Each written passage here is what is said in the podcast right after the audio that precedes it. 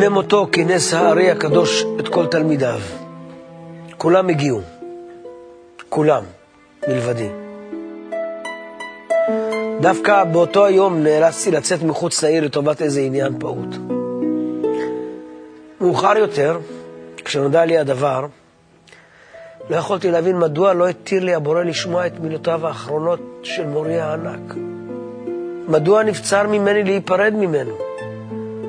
גם עתה מתעוררת בי מדי פעם מחשבה על השעה ההיא, כשכל החברים עומדים סביב מיטתו של מורי, שעה שעמד להסתלק מהעולם הזה, ואני איני עמו. סיפרו לי שברגע האחרון הרים את ראשו, הביט על כולם ושאל, איפה חיים ויטל? ענו לו שאיני נמצא בעיר, והוא, כך סיפרו לי, נאנח בכאב ואמר, אמרו לו שצר לי מאוד על שאינו איתם. אמרו לו עוד שלא אנטוש אותו. אם יישאר תלמידי הנאמן, אשאר לצידו. אחר כך ציווה על כולם להתפזר ולא לעסוק עוד בחוכמת הקבלה. הוא לא ראה באיש מתלמידיו כממשיך דרכו הרוחנית, אלא בי.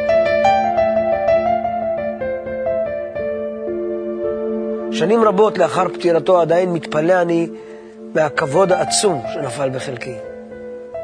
הנה אני חסר כל כישרון שכמוני, מי שאביו היה מטיח בו שאפילו מסמר בקיר אינו מסוגל לנעוץ. זכיתי להיות מאוהב במורי ובחוכמת הקבלה, החוכמה העצומה מכל.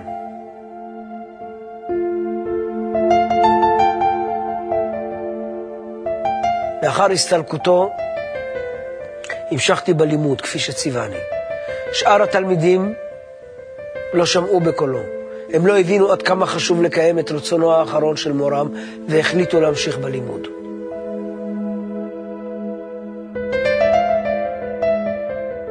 מכיוון שכך עזבתי את צפת. לא יכולתי להימצא עמהם באותה עיר. תחילה ניסיתי לעצור באדם, אבל הם לא רצו לשמוע בקולי.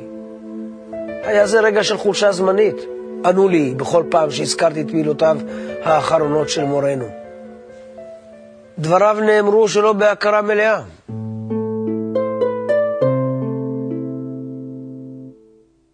מסכנים ואומללים. לא היה ביכולתם להתבטל בפני מדרגה רוחנית גבוהה יותר, בפני הארי הענק. מבחינתם לא היה ספק, מורנו היה שרוי בהזיה, ומתוך הזיה אמר את שאמר על ערש דווי. אלא שהוא ידע עליהם הכל, וגם עליי. נסעתי מצפת והתיישבתי בירושלים. בתמימות ניסיתי למצוא מישהו שיהיה ראוי לקבל את הידע שהעביר הארי, אבל הבורא לא זימן לי אדם כזה.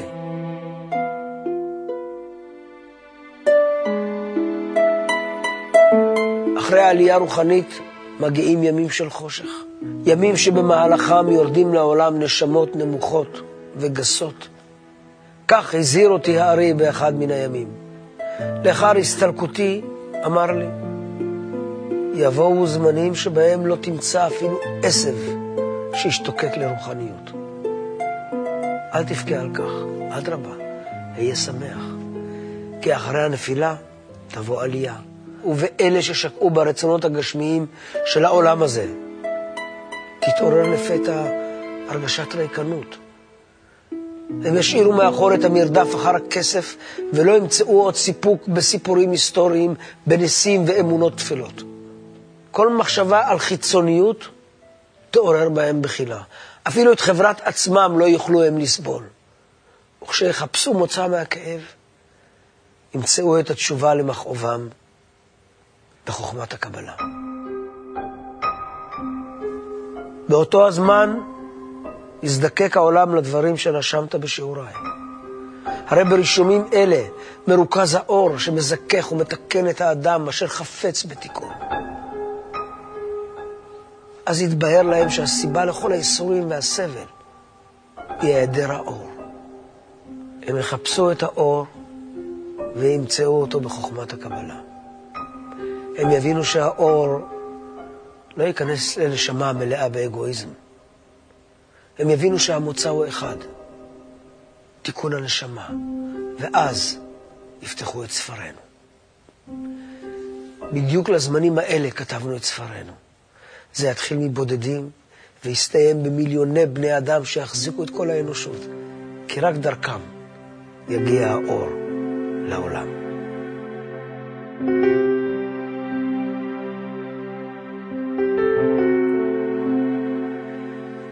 מסתובב הייתי ברחובות ירושלים, ושברי זיכרונות משיעוריו של הארי מרצדים במוחי, הפכו יותר ויותר ברורים.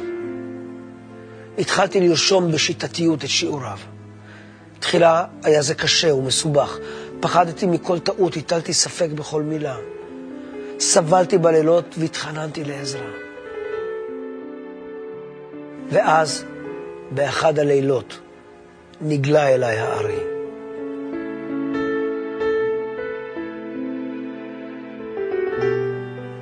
באותו רגע הפחד לטעות פינה מקומו לפחד אחר. להספיק לכתוב הכל, כל עוד אני חי.